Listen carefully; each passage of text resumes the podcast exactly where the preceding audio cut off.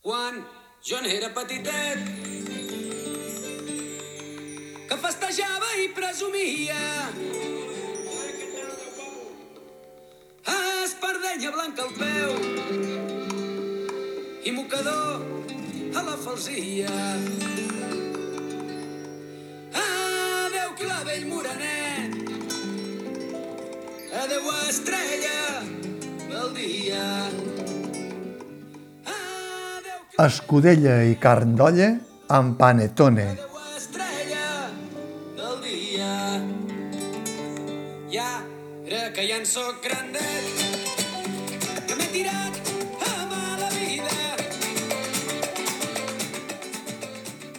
Mentre escric aquestes línies, les televisions de la xarxa locals estan emetent el popular concurs de gossos d'atura de Llavorsí, el Pallar Sobirà, que ja compleix 34 edicions. Els crits inintel·ligibles i sincopats dels pastors amb el seu gaiato de rigor i les cabrioles dels diversos gossos d'atura, acomboiant els ensinistrats ramats d'ovelles, em recorden sempre aquell fugaç gag de Paco Mir del tricicle imitant-los. A Terra Baixa d'Àngel Guimarà va immortalitzar el pastor de muntanya més universal, en Manelic. Si no fos pel concurs de Llavorsí, potser no se sabria que encara hi ha pastors que conviuen amb els seus ramats. Per tant, l'arcaïsme rural de Terra Baixa té una justificació. El que no li perdona el temps a Terra Baixa és el perfil d'alguns dels seus personatges i les seves actituds davant el drama rural de Guimarà. Ni el Manelic seria avui tan bon Jan com és, ni la Marta aguantaria el que aguanta amb el casament de conveniència, ni l'amo Sebastià se les veuria tan fresques per dominar la hisenda i la seva gent com un terratinent de fa dos segles. Tot trontolla, doncs, si quan es fa contemporània l'ambientació no es té en compte que és una convenció teatral i que el que compta és el fons discursiu que va llegar Àngel Guimarà.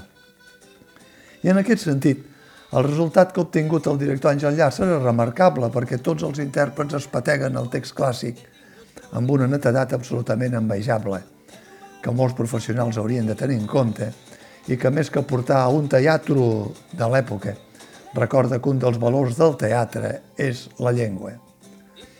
Terra Baixa és un clàssic que a hores d'ara només admet simbologia, ja sigui conceptual o escenogràfica, de les quals s'han deixat testimonis cèlebres des de les primeres de les dècades dels anys 70, 80 i 90 del segle passat, amb les versions de Josep Montanyès, Ricard Salvat, Enric Major, Fabià Puigcerver, fins a les d'aquest primer quart de segle com la de l'alemany Haskell Weber, al Teatre Romea, o la de Ferran Medico al Teatre Nacional de Catalunya, fins al solo de Lluís Omar al Teatre Borràs, o l'experiment més recent i no prou reeixit de Roger Bernat al Teatre Lliure.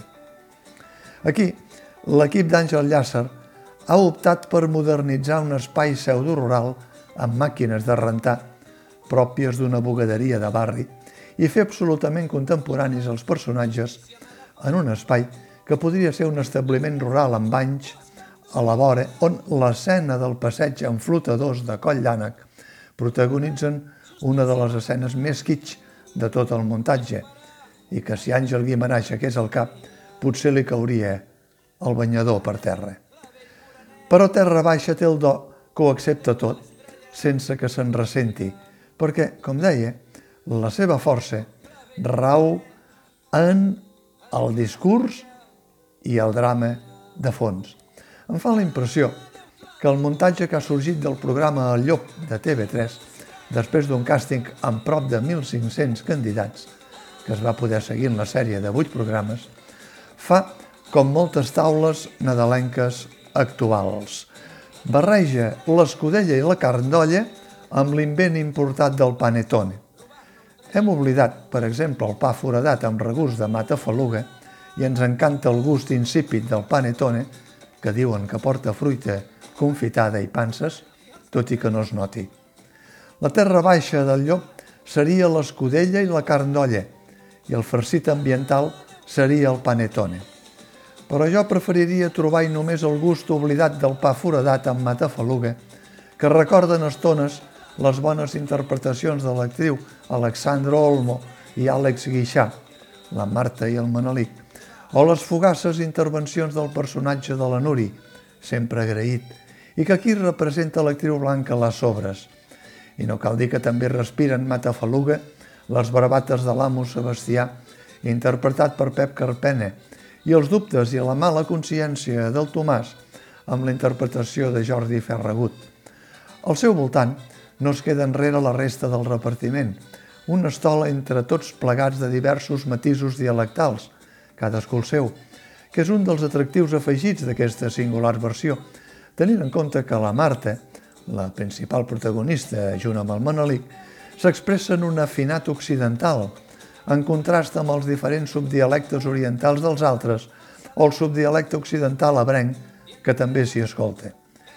Hi ha al fons una porta tancada de nau de magatzem amb les claus a l'infern de l'armilla del Sebastià. Hi ha un revòlver, hi ha un ganivet de cuina, hi ha l'anorac de barri del Manelic i hi ha els diversos vestits de la Marta.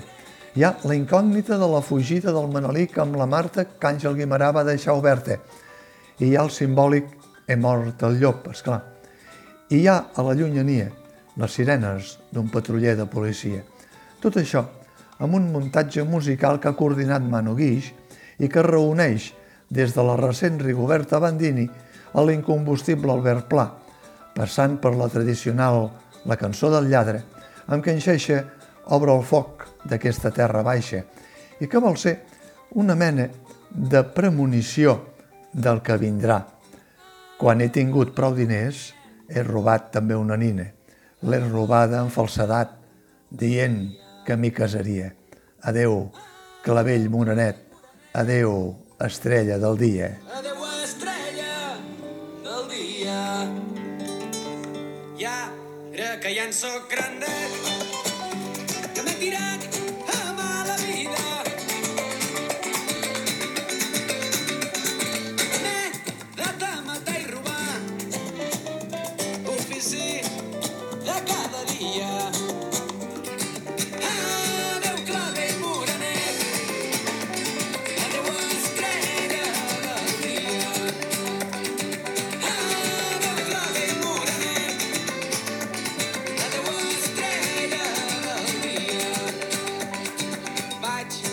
farne un trasgine